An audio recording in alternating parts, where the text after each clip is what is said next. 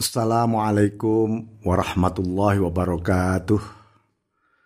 Bismillahirrahmanirrahim. Alhamdulillah hamdan nasulu bihi ila kashfil hijab wa nu'addu bihi minal ahbab wa nashhadu an la ilaha illallah wahdahu la syarika lah wa nashhadu anna Muhammadan abduhu wa rasuluh wa safiyuhu wa khaliluh wa khiyaratuhu min khalqih ba'athahu Allahu bin nuris sati' والبين اللامع والسيف القاطئ فبلغ الرسالة وأدى الأمانة وأوضح السنة وأسس الشريعة ونصح الأمة وعبد الله حتى أتاه اليقين.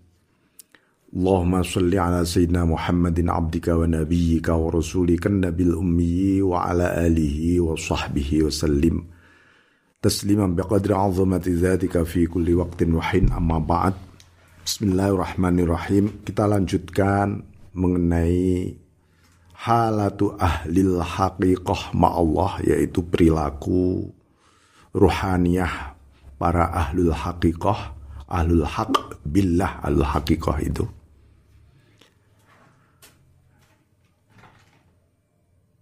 Sekarang memasuki episode ke-22 ya Qala Rasulullah sallallahu alaihi wasallam.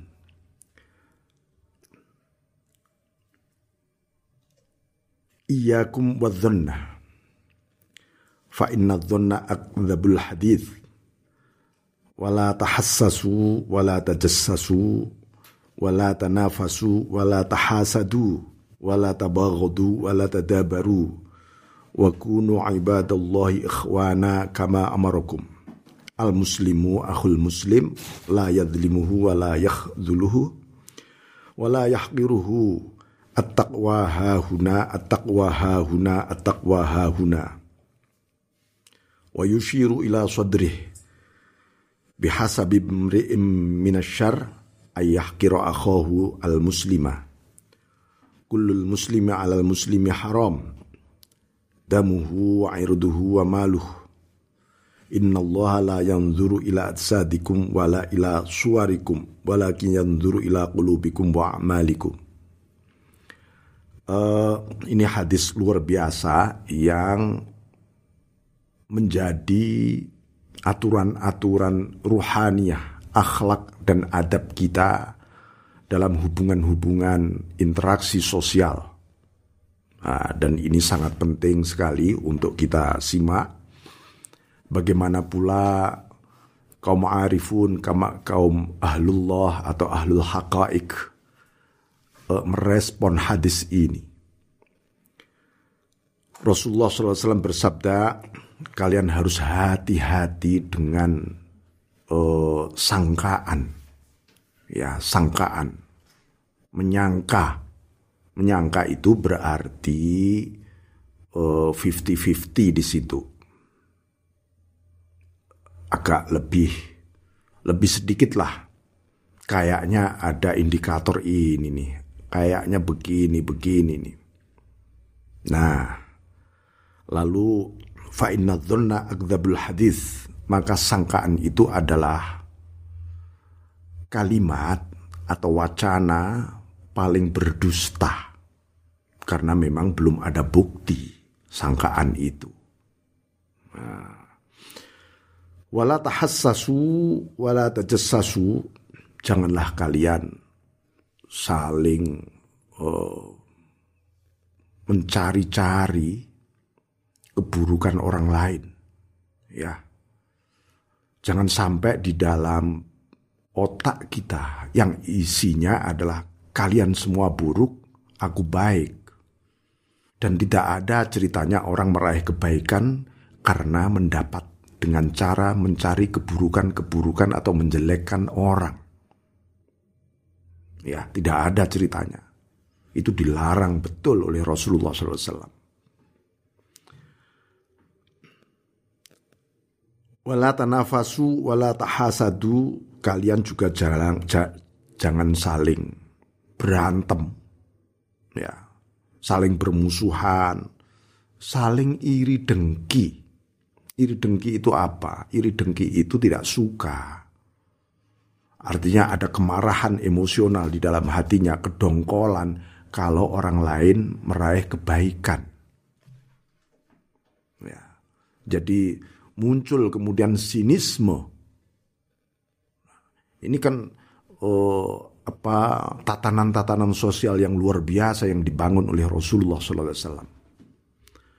Berlanjut wala tabaghudu wala tadabaru janganlah kalian saling mengumbar amarah, emosi, juga jangan saling ungkur-ungkuran artinya saling oh, apa acuh.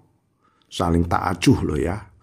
Oh, saling oh, apa ya akhirnya juga saling bermusuhan maksudnya wa kunu ibadallahi ikhwana kama amarakum jadilah kalian ini adalah saudara, keluarga besar ya, terhadap hamba-hamba Allah. Hamba Allah ini keluarga besar semua bagi kita. Ya seperti juga tubuh kita rasanya. Itu. Ini harus tertanam betul di dalam diri kita karena inilah nilai keluhuran mimakarimil akhlak. Salah satu akhlak-akhlak mulia yang ditanamkan oleh Rasulullah SAW kepada umatnya. Al-muslimu akhul muslim. Sesama muslim itu bersaudara. Ya, bersaudara. La yadlimuhu wa la Jangan mendolimi, jangan me, e, menghina. Kalau mengkritik bagaimana? Mengkritik yang dikritik adalah cara berfikirnya pandangan ilmiahnya yang keliru harus dikritik. Dan kritik Anda harus lebih bagus. Yang disebut saja di dalam Al-Quran, wajadilhum billati hiya ahsan. Berilah argumen yang lebih bagus. Itu. Mungkin orang lain memiliki logika cara berpikir. Tapi Anda mungkin punya kritik. Tapi kritik Anda harus lebih bagus. Apa yang lebih bagus dari logika manusia? Yang lebih bagus adalah petunjuknya Allah. Sebuah kritik yang lahir dari hidayah Allah di dalam diri kita. Karena pasti akan menunjukkan jalan yang benar menuju ila sabili rabbik, jalan menuju Tuhanmu.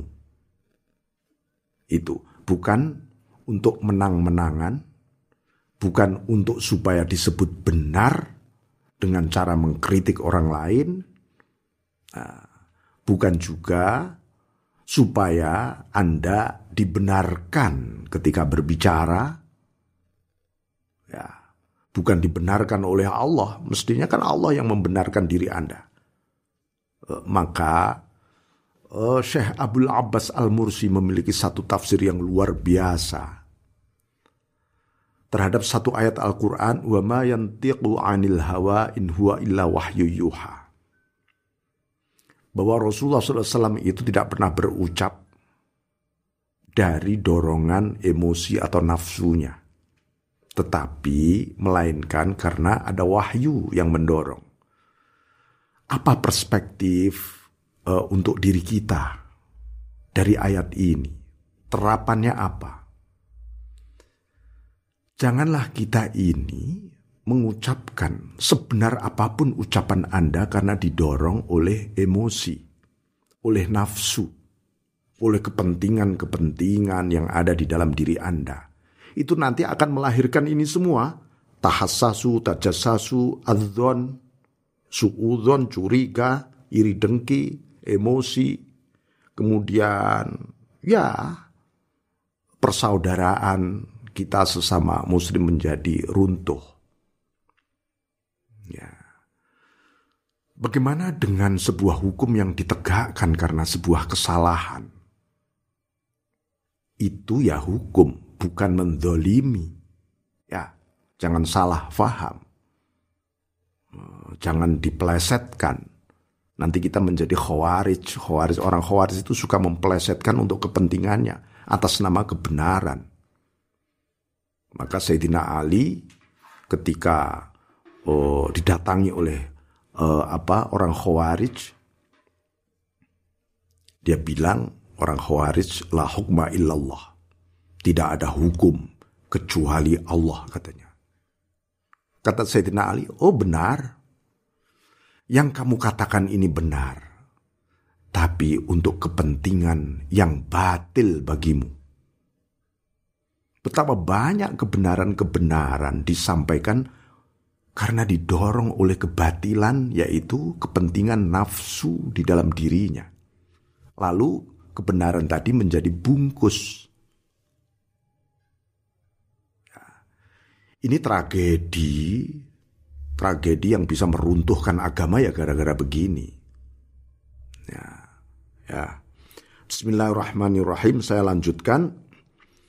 Eh, la yadlimuhu wa la Jangan saling mendolimi, tidak saling mendolimi, tidak saling menghina, tidak saling merendahkan. Gitu. Oh gimana ya dengan kelompok golongan yang tidak sefaham dengan Anda? Oke, ayo dialog dengan bagus. Dengan bagus.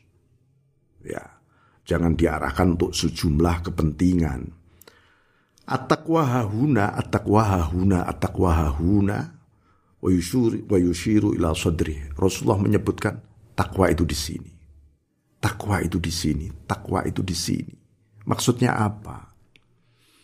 sejumlah konflik polemik yang menyemburatkan persaudaraan, integritas, kesatuan, itu kan gara-gara merasa lebih suprematif dibanding yang lain.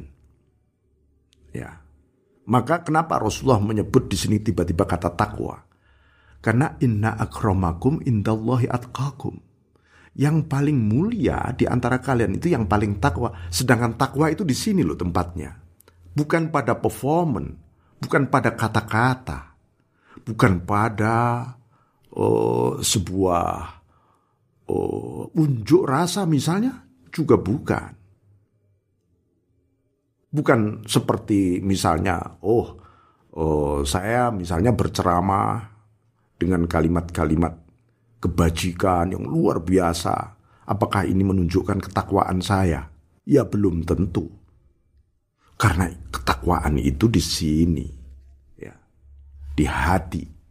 Di dalam dada. Maksudnya di dalam dada itu ya di hati. Setelah soder ada kolb. Nah. Bihasa bimri'in minasyar ayah kira akhahu al-muslim. Standar keburukan. Ya sesama muslim itu apa? Kalau satu sama lain sesama muslim itu mulai merendahkan. Ya, mulai merendahkan.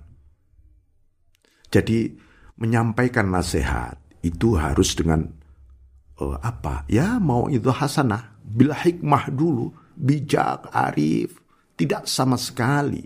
Satu-satunya kepentingan adalah menyelamatkan saudara kita supaya selamat di hadapan Allah. Sabiri Rabbik, jalan Tuhanmu itu jalan ke mana ini jalan Tuhanmu? Jalan yang menuju kepada Allah, bukan jalan yang menuju ke yang lain. Nah, jadi kulul muslim ala muslim haram. Jadi sesama muslim darahnya maupun damuhu wa irduhu wa maluh darahnya harga dirinya maupun hartanya itu dihormati ini soal hak asasi yaitu di sini ya. Inna Allah ila asadikum wala ila suarikum Allah tidak melihat performan badan lahiriahmu. Ketika anda sholat nggak dilihat oh, anda sedang bergerak ke masjid atau nggak dilihat. Maksudnya nggak dilihat itu bukan itu yang urgent bagi Allah. Wala ilasul apalagi rupa ini maksudnya apa? Rupa ini kan kita memiliki kulit warna yang berbagai-bagai bentuk ada yang ganteng ada yang tidak ganteng ada yang cantik ada yang tidak cantik. Bukan itu yang dilihat Tuhan. Tapi yang dilihat adalah hatimu. Uh, walaki yang ila qulubikum hatimu. Hati wa amalikum dan amaliyah. Amaliyahmu ikhlas apa enggak. Itu aja.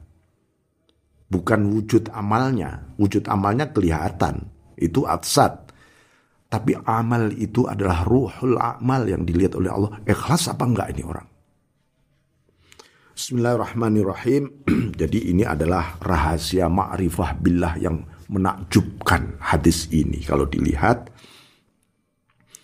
uh, kata Syekh Ahmad Ar-Rifai, fa innahu amrun bitakhalli an sifah al iblisiyah wa ya al hasad thumma tajarrud min sifah an nafsaniyah wa ya al budu li ghairillah.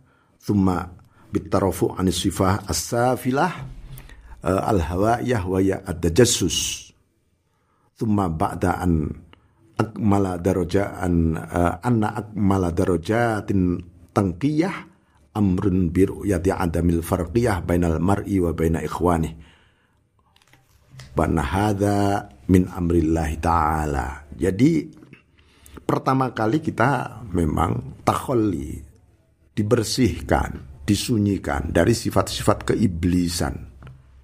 Iblis itu sifatnya adalah hasud. Maka di dalam surat uh, Al-Falaq, Qul a'udzu birabbil falaq min syarri ma khalaq wa min syarri ghasikin idza waqab wa min syarri nafathati fil uqad wa min syarri hasidin idza hasad.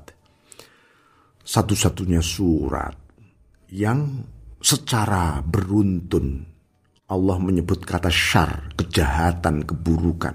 Ini di surat Al-Falaq empat kali beruntun. Min syarri ma khalaq wa min syarri ghasikin idza waqab wa min syarri nafathati fil uqad wa min syarri terakhir wa min syarri hasidin idza hasad mohon dilindungi dari kejahatan orang yang iri dengki. Kenapa ini kok terakhir iri dengki ini? Ini adalah produk siap jadi dari sebuah keburukan dan kejahatan sosial, kemanusiaan. Itu adalah iri dengki. Kelihatannya benar kata-katanya, tapi kalau itu isinya iri dengki, itu produk kejahatan. Karena dia tidak melihat Allah di balik kata-kata dia. Nah, maka tadi yang saya sebutkan, Syekh Abdul Abbas Al-Mursi, ya, ketika menafsirkan wa mayantiku anil hawa in huwa illa wahyu yuha. Itu standarnya paling mudah begini. Ketika Anda bicara di hadapan publik, di hadapan seseorang, lalu Anda senang sekali karena diiyakan dikonfirm betul kalimat-kalimat Anda. Ya, kalimat kamu benar lalu kamu senang. Itu tandanya ada unsur nafsu di dalam kata-kata Anda. Jadi bagaimana? Senanglah. Senanglah kalau hatimu diiyakan oleh Allah ketika bicara. Bukan kata-katamu yang diiyakan, tapi hatimu ketika bicara tadi diiyakan oleh Allah. Artinya diridhoi hatimu. Hatimu yang diridhoi ketika bicara. Ayo kita belajar ini. Luar biasa ini. Penafsiran ini. Ya. Ini butuh pelatihan di dalam diri kita masing-masing. Ya. Supaya kita berbicara agar Allah mengiyakan hatimu. Loh ini, ini berarti pasti tidak nafsumu yang diiyakan, tapi hatimu. Nih. Bismillahirrahmanirrahim. Setelah itu uh, tajarrud disingkirkan juga sifat-sifat nafsaniyah yang sifatnya emosional yaitu al-bughdu li ghairillah emosi karena bukan karena Allah, tapi karena kepentingan-kepentingan. Nah, habis itu naik dari sifat-sifat yang rendah yang harus kita buang menuju sifat-sifat yang luhur. Sifat-sifat hawa nafsu itu seperti apa? Tajasus, kepo terhadap keburukan orang. Ya, ini dunia medsos harus Anda waspada sendirilah. Ya, Jangan kepo terhadap keburukan orang. Ya. Kecuali memang itu tugas uh, seorang jaksa, seorang polisi yang harus mengungkap. Mengungkap itu beda. Itu itu proses yang berbeda. Kita secara kehidupan sosial jangan mencari-cari keburukan orang, kesalahan orang. Itu nanti keburukan orang yang Anda cari akan balik berlipat ganda kepada Anda. Nauzubillah. Ya. Kemudian derajat menuju derajat yang lebih bersih, lebih luhur lagi, yaitu kita jangan sampai terpecah belah dengan sesama saudara. Ya. Ini adalah perintahnya Allah Subhanahu wa taala. jangan sampai apa ya, orang itu kadang-kadang memiliki kepetualangan supaya dianggap waton suloyo kata orang Jawa. Asal beda, nggak taunya menimbulkan perpecahan. Karena ketika dia asal beda tadi tidak ada ketulusan, kejernihan di hati supaya disebut beda saja saya. Ya. Bismillahirrahmanirrahim. Ah, di sinilah uh, seseorang akan mengenal Tuhannya. Ya, seseorang nanti akan mengenal Tuhannya ketika bersih dari keburukan sifat iblis, hawa nafsu, sifat-sifat rendah, bersih, ah kita mengenal Allah. Ahlul ma'rifah itu di sini. Uh, maka Sayyidina Ali ini yang mengatakan ini ucapan Sayyidina Ali, "Man arafa nafsah faqad arafa rabbah." Siapa yang mengenal dirinya, oh diriku ternyata tidak lebih dari sekumpulan seonggok keburukan demi keburukan. Lalu dia bersihkan semua itu, baru tiba-tiba dia arafa rabbah, dia mengenal Tuhannya. Nah itu Bismillahirrahmanirrahim. Jadi uh, iblis itu sering kali ini saya sampaikan laknatullah dia melihat dirinya supremasi dirinya. Karena dia melihat supremasi dirinya, maka dia mengatakan ana khairum minhu aku lebih bagus dibanding Adam. Ya. Ini mungkin bukan kalimat yang muncul dari mulut saja. Dari hatinya sudah muncul duluan. Wah, gue lebih hebat daripada lo gitu misalnya. Itu adalah iblisiyah, iblisian. Ya, iblisian. Uh, maka itu tandanya seseorang sedang terlempar dari jati dirinya sendiri sebenarnya. Nah, yang kedua, kalimatnya Firaun yang mengatakan, e, bukankah diriku ini adalah raja Mesir? Lalu dia mengatakan, ana Rabbukumul a'la, akulah Tuhanmu paling tinggi. Akhirnya dia ditenggelamkan oleh Allah. Ya, ditenggelamkan oleh Allah. Korun juga membanggakan supremasi kekayaan hartanya. Mungkin kalau Anda didaktirkan jadi konglomerat, orang kaya, jangan sampai seperti korun. Korun itu membanggakan. Nih, gue perusahaan gue, nama gue, ini, ini, dan seterusnya, gue nya banyak banget. Uh, lalu oleh Allah ditenggelamkan itu semuanya. Malaikat saja, ini malaikat ya Malaikat itu pernah membanggakan dirinya di hadapan Allah. Uh, ila tasbihihim wa taqdisihim. Kan di Quran disebutkan itu uh, ketika malaikat itu protes kepada Allah saat Allah mengangkat manusia menjadi khalifah di muka bumi. Ataj'alu fiha mayyufsidu fiha wa yasfikud dima. Tuhan, ini kan punya hobi uh, menumpa, uh, apa merusak bumi, ya, menumpahkan darah perang, saling membunuh. Sedangkan kami, kami ini loh Tuhan. Wa nahnu nusabbihu bihamdik. Kami kami ini kan terus menerus bertasbih dan memujimu dan menyucikan engkau.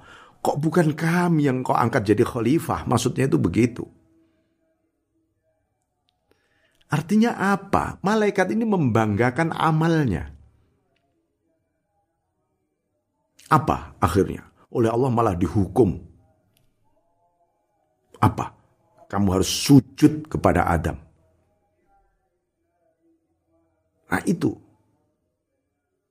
Nah, jadi fabtalahumullah bisajdah li Adam. Allah menguji dengan sujud kepada Adam.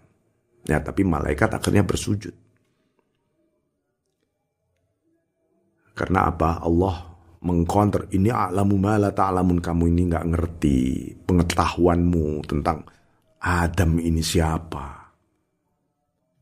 Ya. Jadi kalau orang yang mengatakan anak aku wah, itu di hadapan Allah itu ya maka Allah akan menjawab lah enggak no Ya. Bal ana kata Allah. Yang benar itu aku kata Allah. Summa uh, yurad summa yuradduhu ila asfali sa, ila asfali safilin. Jadi uh, manusia yang mengatakan ana itu sebenarnya dilempar di alam aspal, alam paling rendah. Alam ego, alam nafsu paling rendah.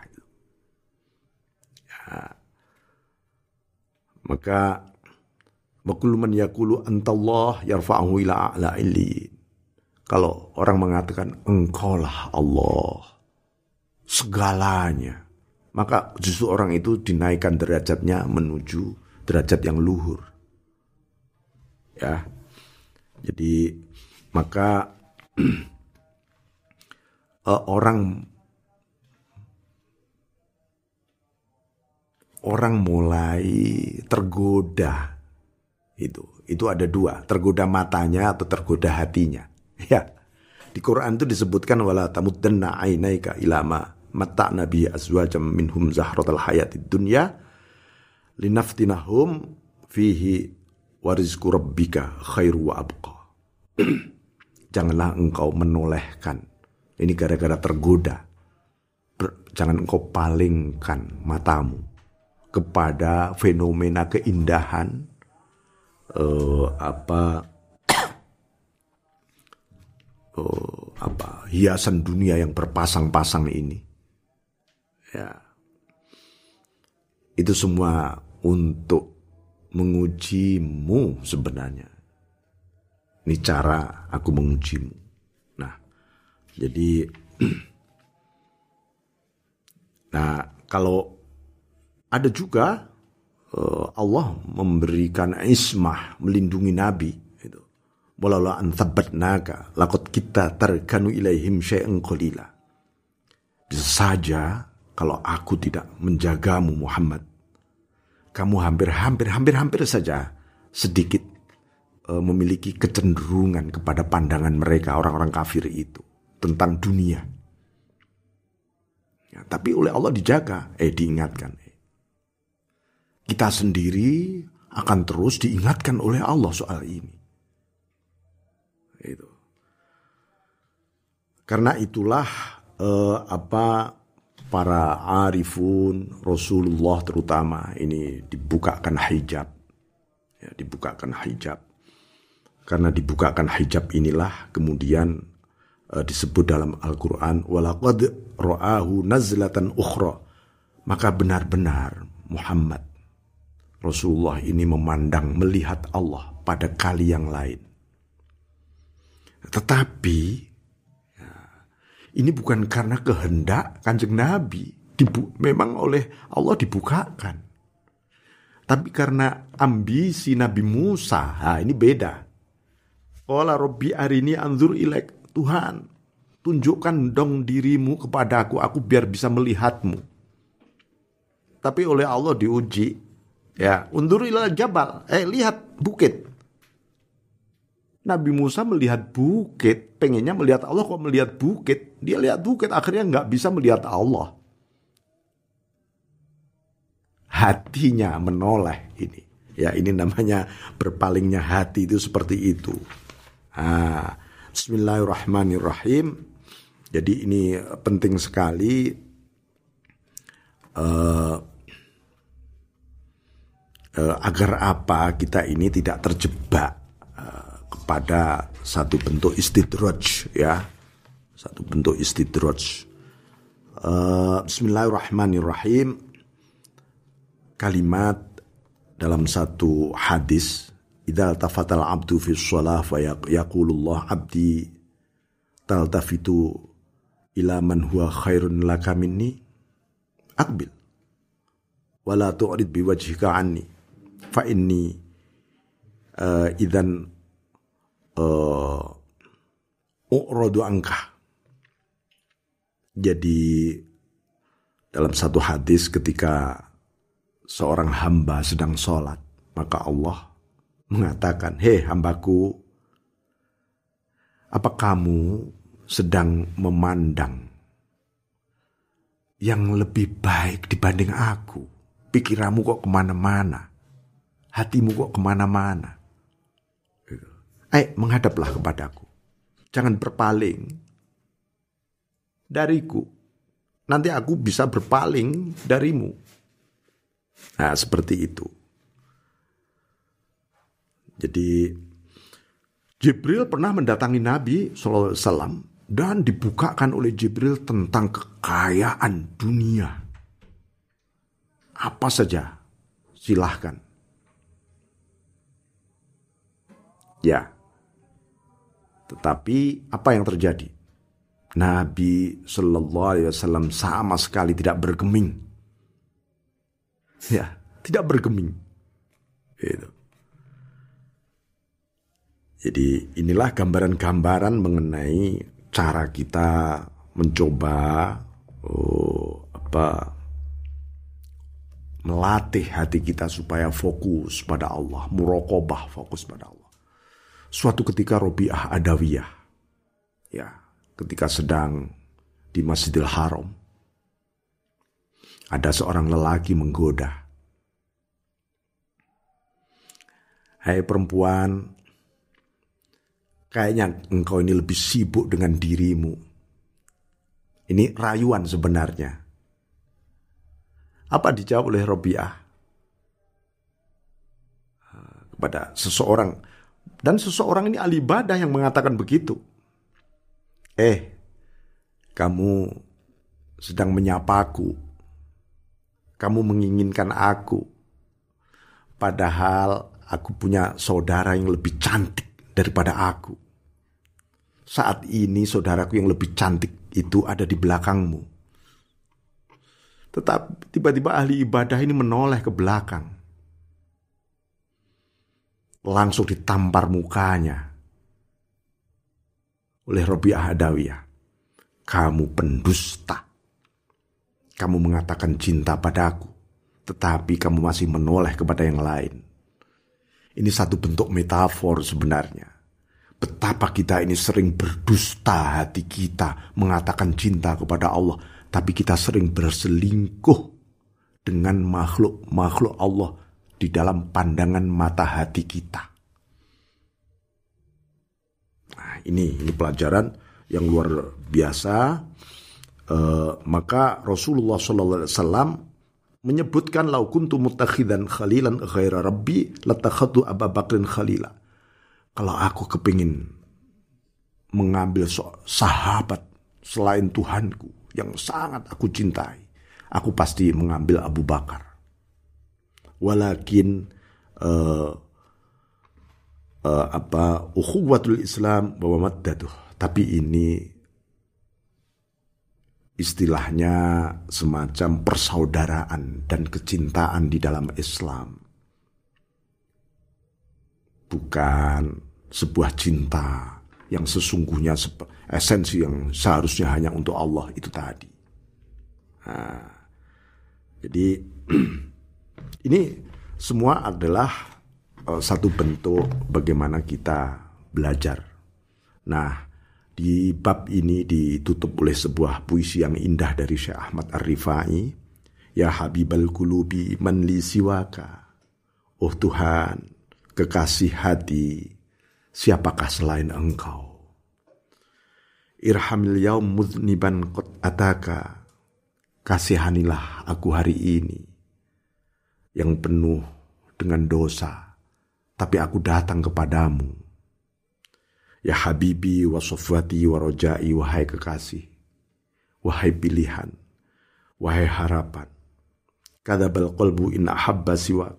Dusta sesungguhnya hati jika tidak mencintaimu. ya anisi wa wa munyati wa muroti wahai kemesraanku harapan dan hasratku tola syauki mata yakunu liqaka betapa panjang kerinduan demi kerinduan ini kapankah aku bertemu dengan engkau saya kira begitu episode kali ini. Walafu minkum. Wassalamualaikum warahmatullahi wabarakatuh.